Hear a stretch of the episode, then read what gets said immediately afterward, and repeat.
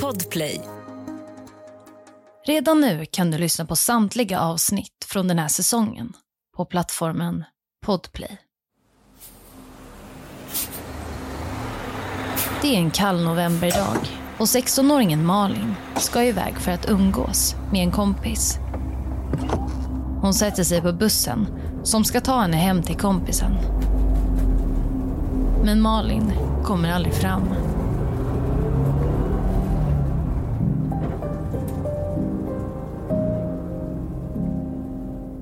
Det här är berättelsen om ett svenskt fall som tagit hela 26 år att lösa. Du lyssnar på Jakten på mördaren med mig, Saga Springhorn. Jag vill varna för grovt innehåll i dagens poddavsnitt.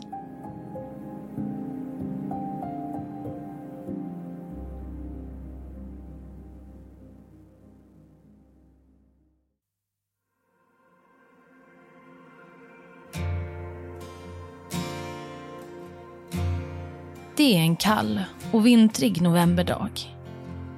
Den 23 november 1996 i Husum.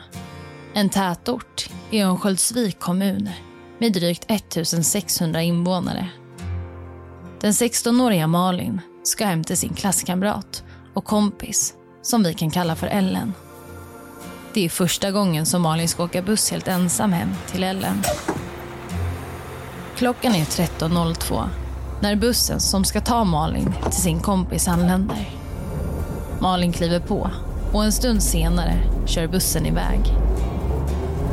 Hemma hos Ellen gör man sig redo för att gå ut och möta upp Malin vid busshållplatsen den kalla novemberdagen.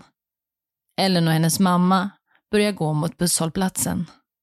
De väntar på att bussen ska dyka upp. Men när bussen stannar vid busshållplatsen kliver inte Malin av Tankarna drar igång hos Ellen och hennes mamma. Hade Malin kanske klivit av för tidigt? Vid en annan hållplats? Eller hade något hänt?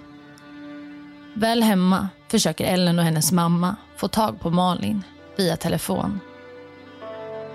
Det är år 1996 och de allra flesta har endast en hemtelefon. Ringsignalerna går fram, men ingen svarar hemma hos Malin. Tiden går. Det dröjer flera timmar innan de slutligen får tag på Malins föräldrar. Och det ska visa sig att Malin inte är hemma. Hon hade som bestämt lämnat hemmet, blivit skjutsad av sin bror till busshållplatsen för att sedan kliva av bussen. Det här blev början på sökandet efter 16-åriga Malin.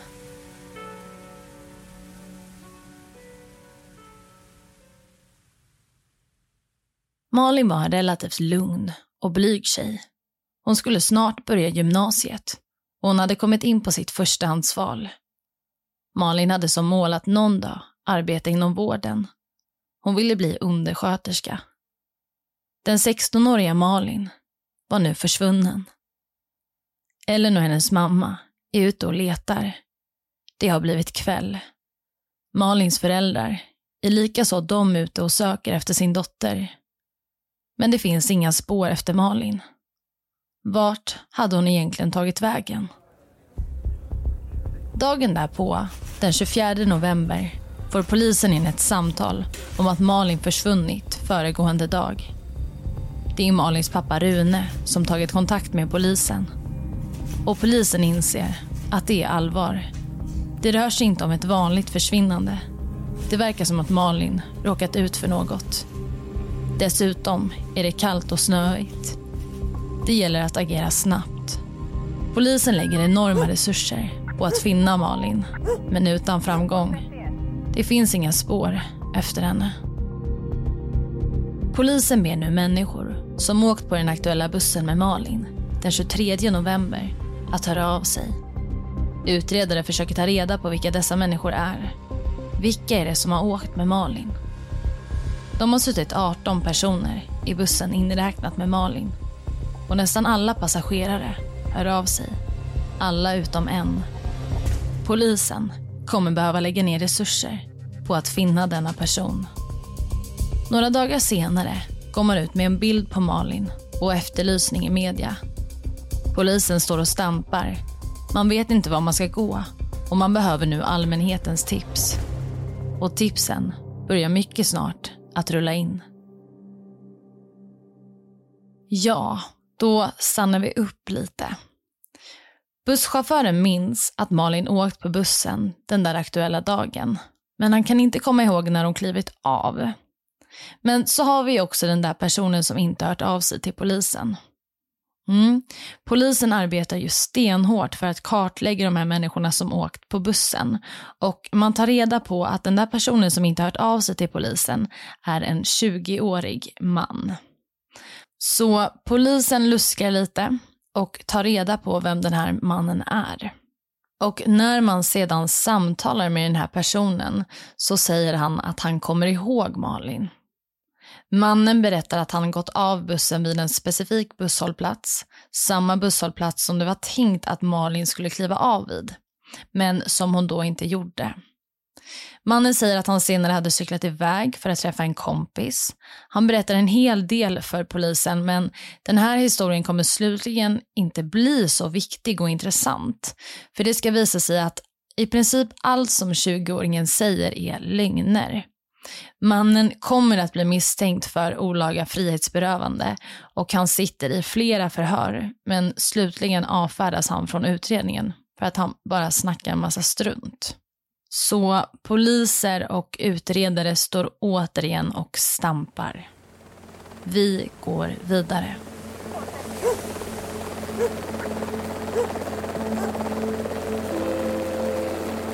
Polis fortsätter att söka efter Malin.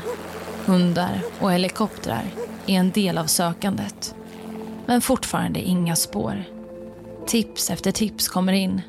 Men än så länge leder inget av tipsen fram till Malin. Det finns dock några vittnen som berättar om intressanta iakttagelser. De säger att de sett en person som liknar Malin. En ljusblond tjej med mittbena, ett par runda glasögon. Hon stämmer in på signalementet som lämnats ut i media och med bilden som publicerats av henne. Med vittnenas säg förstärks polisens tes om att Malin gått av vid fel busshållplats. Troligtvis hade hon gått av för tidigt. Vittnen berättar att det är en man som gått in till Malin. Något som blir väldigt intressant. En av vittnena kan senare berätta för polisen vem mannen som gått bredvid Malin är. Det visar sig att han bor i trakten, precis som vittnet själv.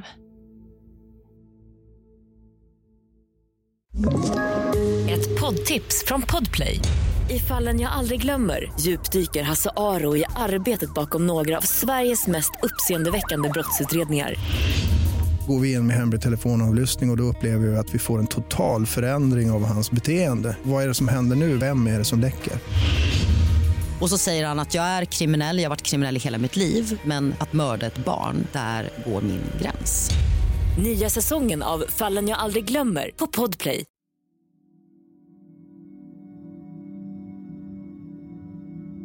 Det rör sig om en ung kille på 18 år som bor i Husum. Vi kan kalla honom för Peter.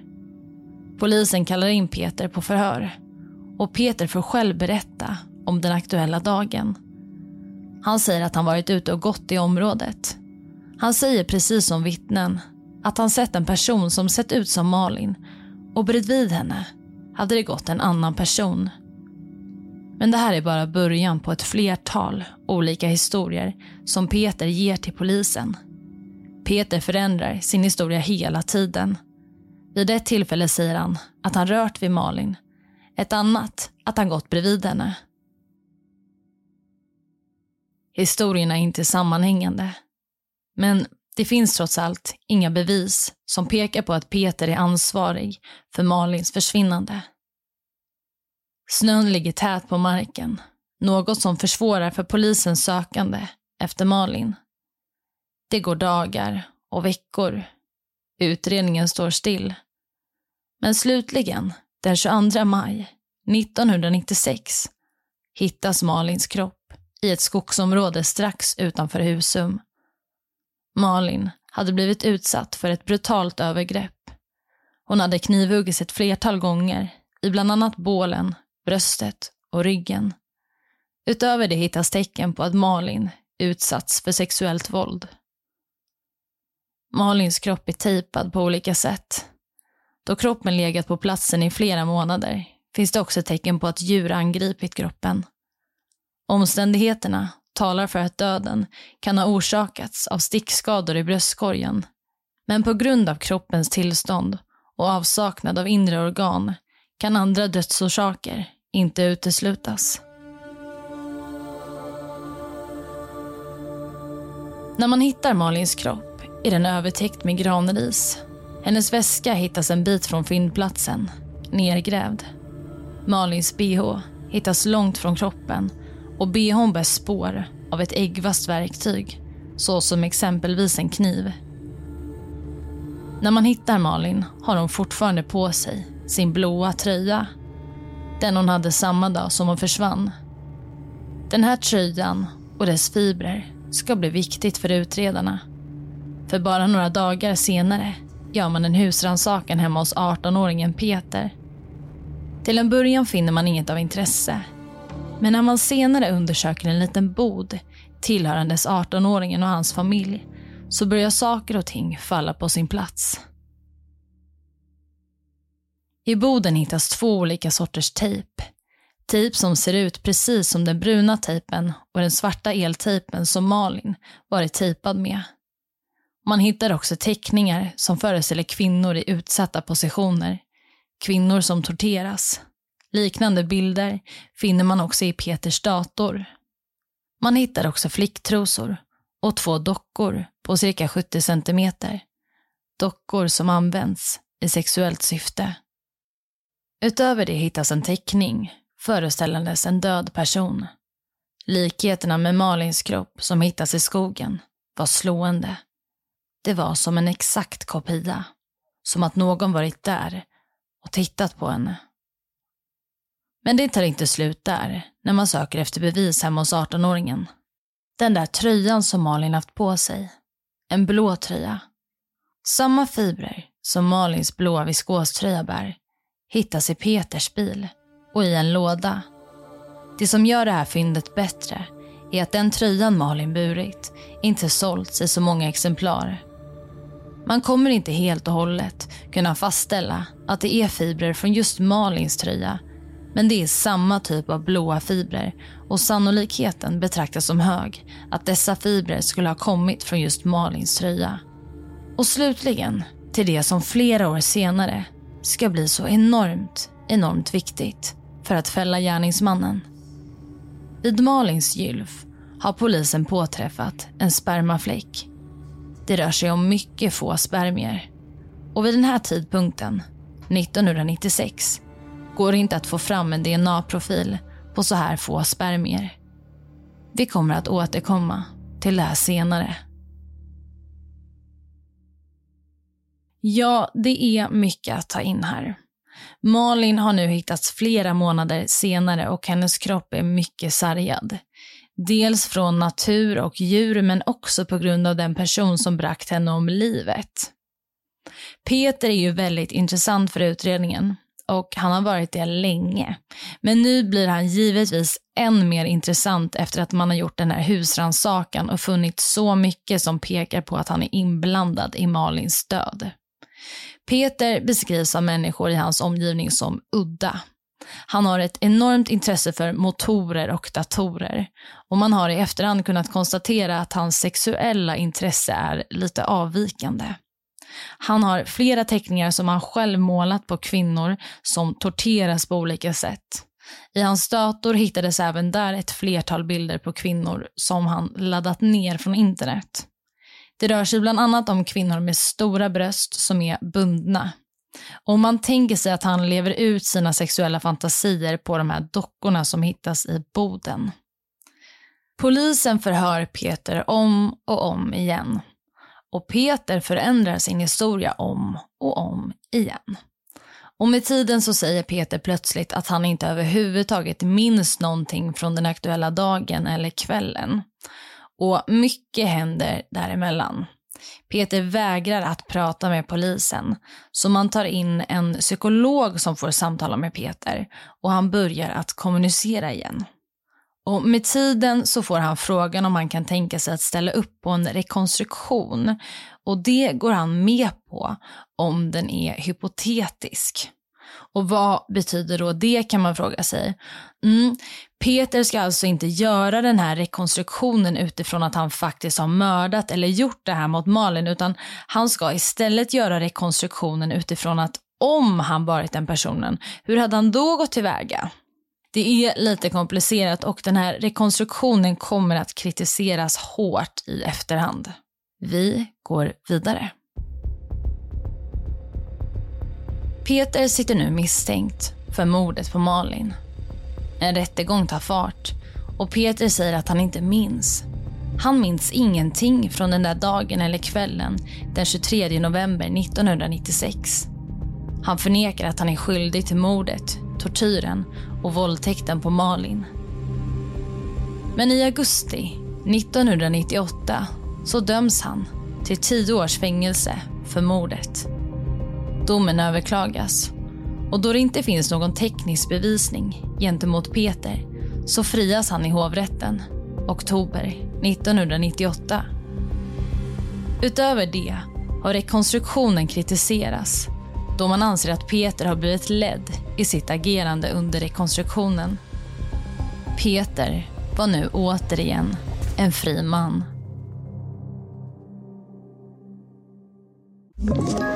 Ett poddtips från Podplay. I fallen jag aldrig glömmer djupdyker Hasse Aro i arbetet bakom några av Sveriges mest uppseendeväckande brottsutredningar går vi in med hemlig telefonavlyssning och, och då upplever vi att vi får en total förändring av hans beteende. Vad är det som händer nu? Vem är det som läcker? Och så säger han att jag är kriminell, jag har varit kriminell i hela mitt liv men att mörda ett barn, där går min gräns. Nya säsongen av Fallen jag aldrig glömmer på Podplay. Åren ska gå. Många, många år. Men i en liten frys, inlåst på Nationellt forensiskt centrum ligger den där spermafläcken som hittats vid Malins gylf. Nu ligger fallet i händerna på framtidens DNA-teknik.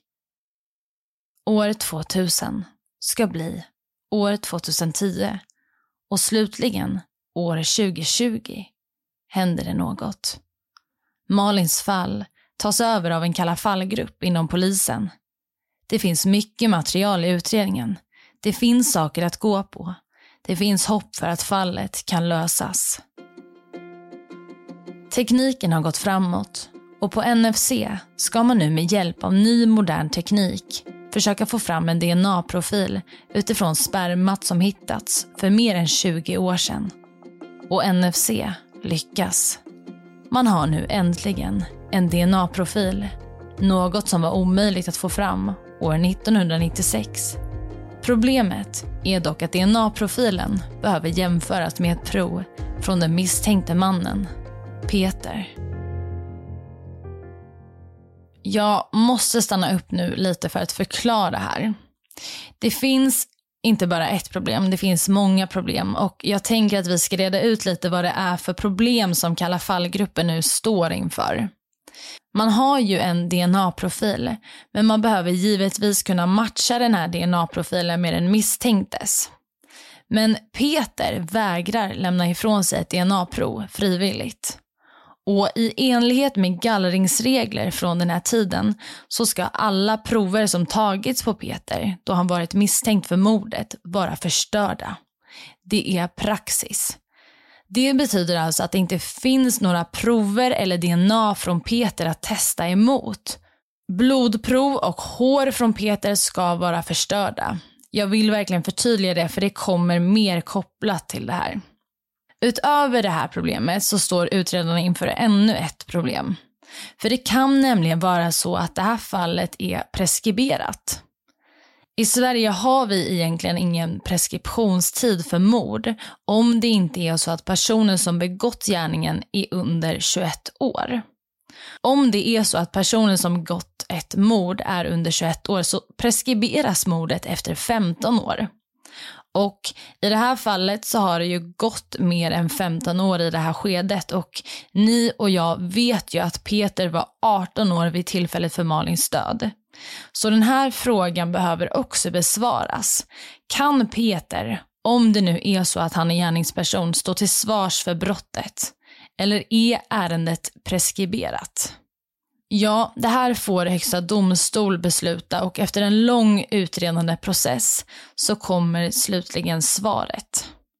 HD konstaterar att eftersom den 18-årige Peter suttit häktad och blivit åtalad så bryts preskriptionen. Och det är ett mycket positivt besked för Kalla fallgruppen och Malins familj. Peter kan alltså stå till svars för mordet på Malin om det nu är så att han är gärningsperson. Och så tillbaka till DNA-profilen då. Peter vägrar lämna DNA-prov. Så HD får återigen besluta om han kan tvingas lämna prov. Och HD beslutar att det inte finns stöd i lagen för att tvinga Peter till topsning i samband med resning. HD tillåter alltså inte denna tvångsåtgärd. Så brottet har inte preskriberats, men man får inte tillåtelse att topsa Peter. Och som ni alltså förstår så är ju DNA-profilen det absolut viktigaste just nu. Får man fram bevisning i form av DNA att spermat på Malins gylf har tillhört Peter så står väldigt mycket på spel. Då kan man få en fällande dom.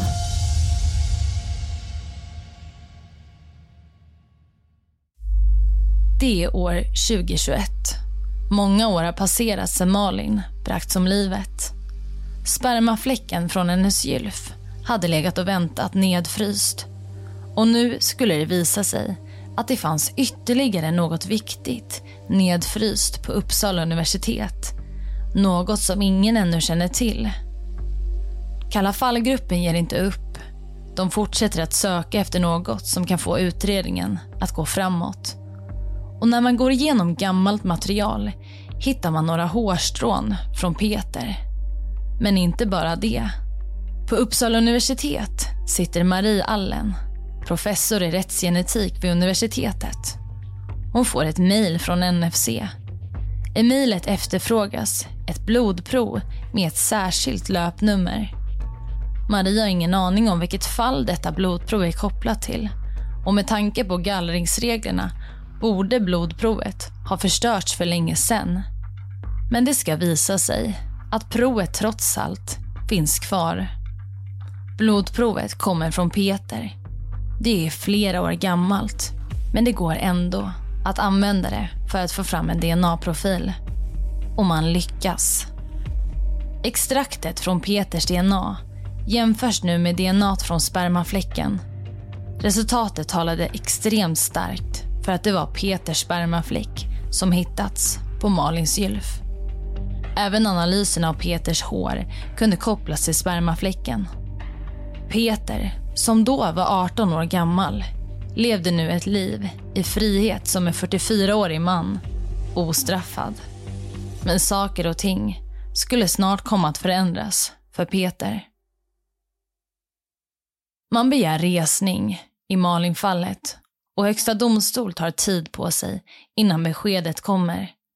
Resningen beviljas och förhandlingarna och förhören i rättssalen drar igång. Peter får återigen berätta om den aktuella dagen. Han säger att hans mamma bett honom att gå ut. Hon tyckte att han hängde för mycket hemma. Peter hade bestämt träff med några vänner. Han byter om och rör sig sedan bort från hemmet. Han går en sväng, morsar på en bekant och blir sedan upphämtad i en bil av det så kallade gänget. Det så kallade gänget utgörs av några personer som han vid tillfället känt i cirka tre till fyra månader.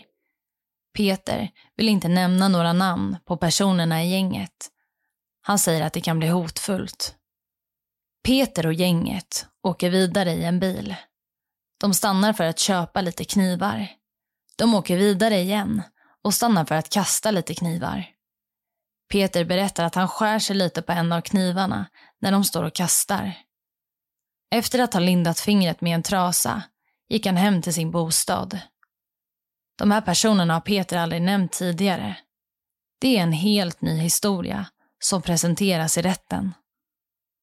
Men den stora frågan är fortfarande, varför finns Peters sperma på Malins gylf? Peter förklarar det hela så här. Några veckor senare träffar han gänget igen. De åker bil en stund. Peter vet inte riktigt var de är då det är kolsvart ute. Vid den här tidpunkten är det känt att Malin försvunnit. Hela bygden vet om det. Peter berättar att bilen stannar och att de andra i gänget säger att de ska ställa sig och runka vid en skogsväg. De ställer sig på en rad vid sidan av vägen och runkar.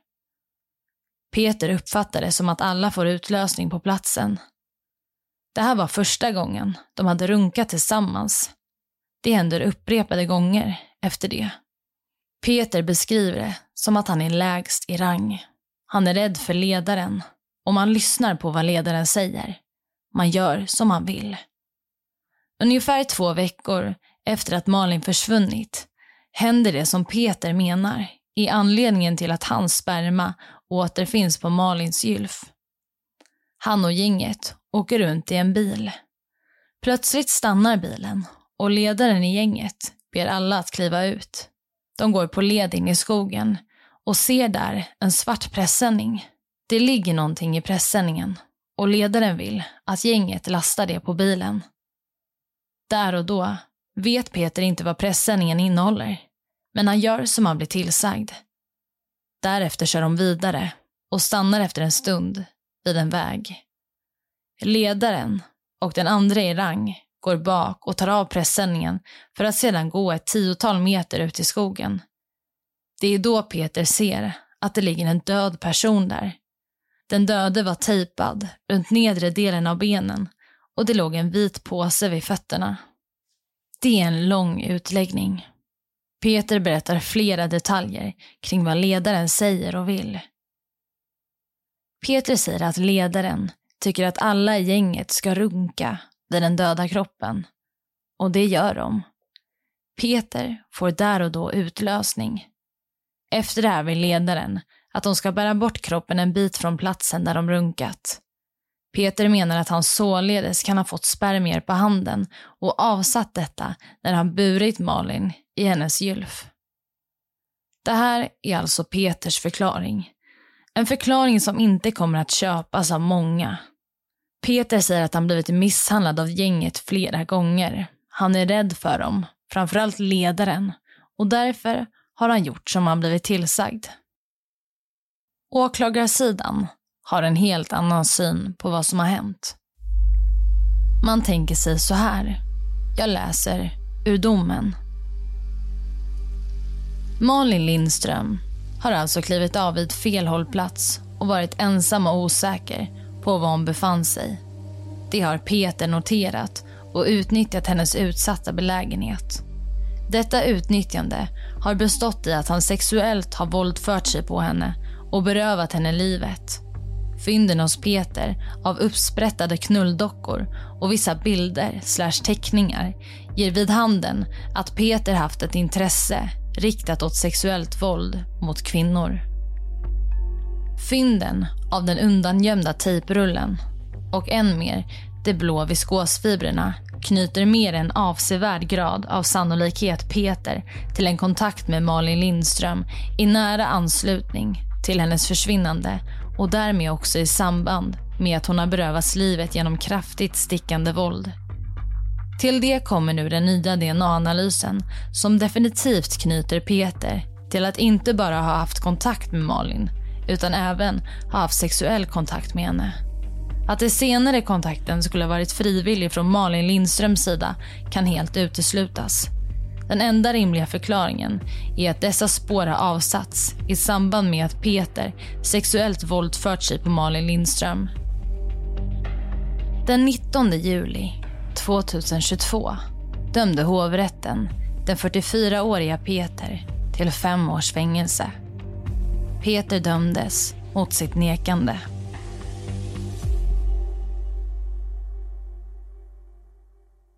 Ja, många frågar sig varför Peter endast döms till fem års fängelse. Och det beror på flera olika saker. Utgångspunkten är att alltid döma efter den tiden som brottet begåtts. Man utgår alltså ifrån den lagtext som användes år 1996, då Malin mördades. Och då såg det helt annorlunda ut. Dels kunde inte en 18-åring dömas till livstidsfängelse, vilket en 18-åring kan dömas till idag.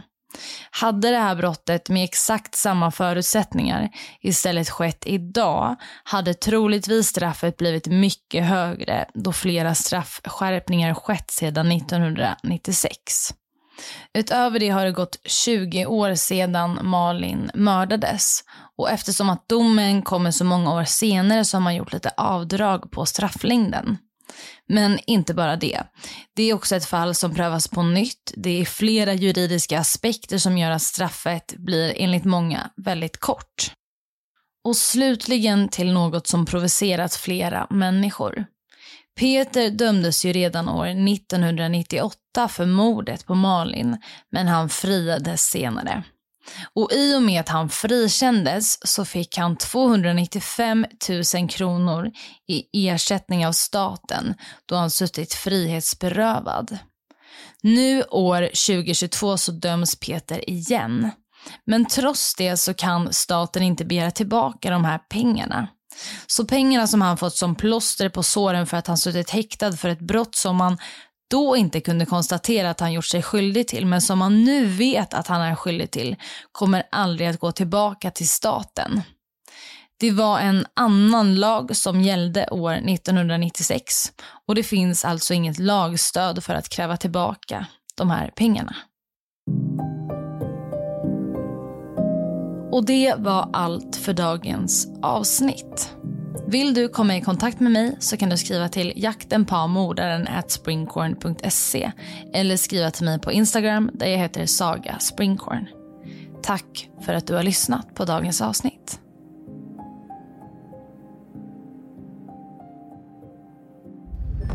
Podplay, en del av Power Media. Poddtips från Podplay. I podden Något Kaiko garanterar östgötarna Brutti och jag, Davva, dig en stor dos skratt. Där följer jag pladask för köttätandet igen. Man är lite som en jävla vampyr. Man har fått lite blodsmak och då måste man ha mer. Udda spaningar, fängslande anekdoter och en och annan arg rant. Jag måste ha mitt kaffe på morgonen för annars är jag ingen trevlig människa. Då är du ingen trevlig människa, punkt. Något Kaiko, hör du på Podplay. Därför är gardinerna.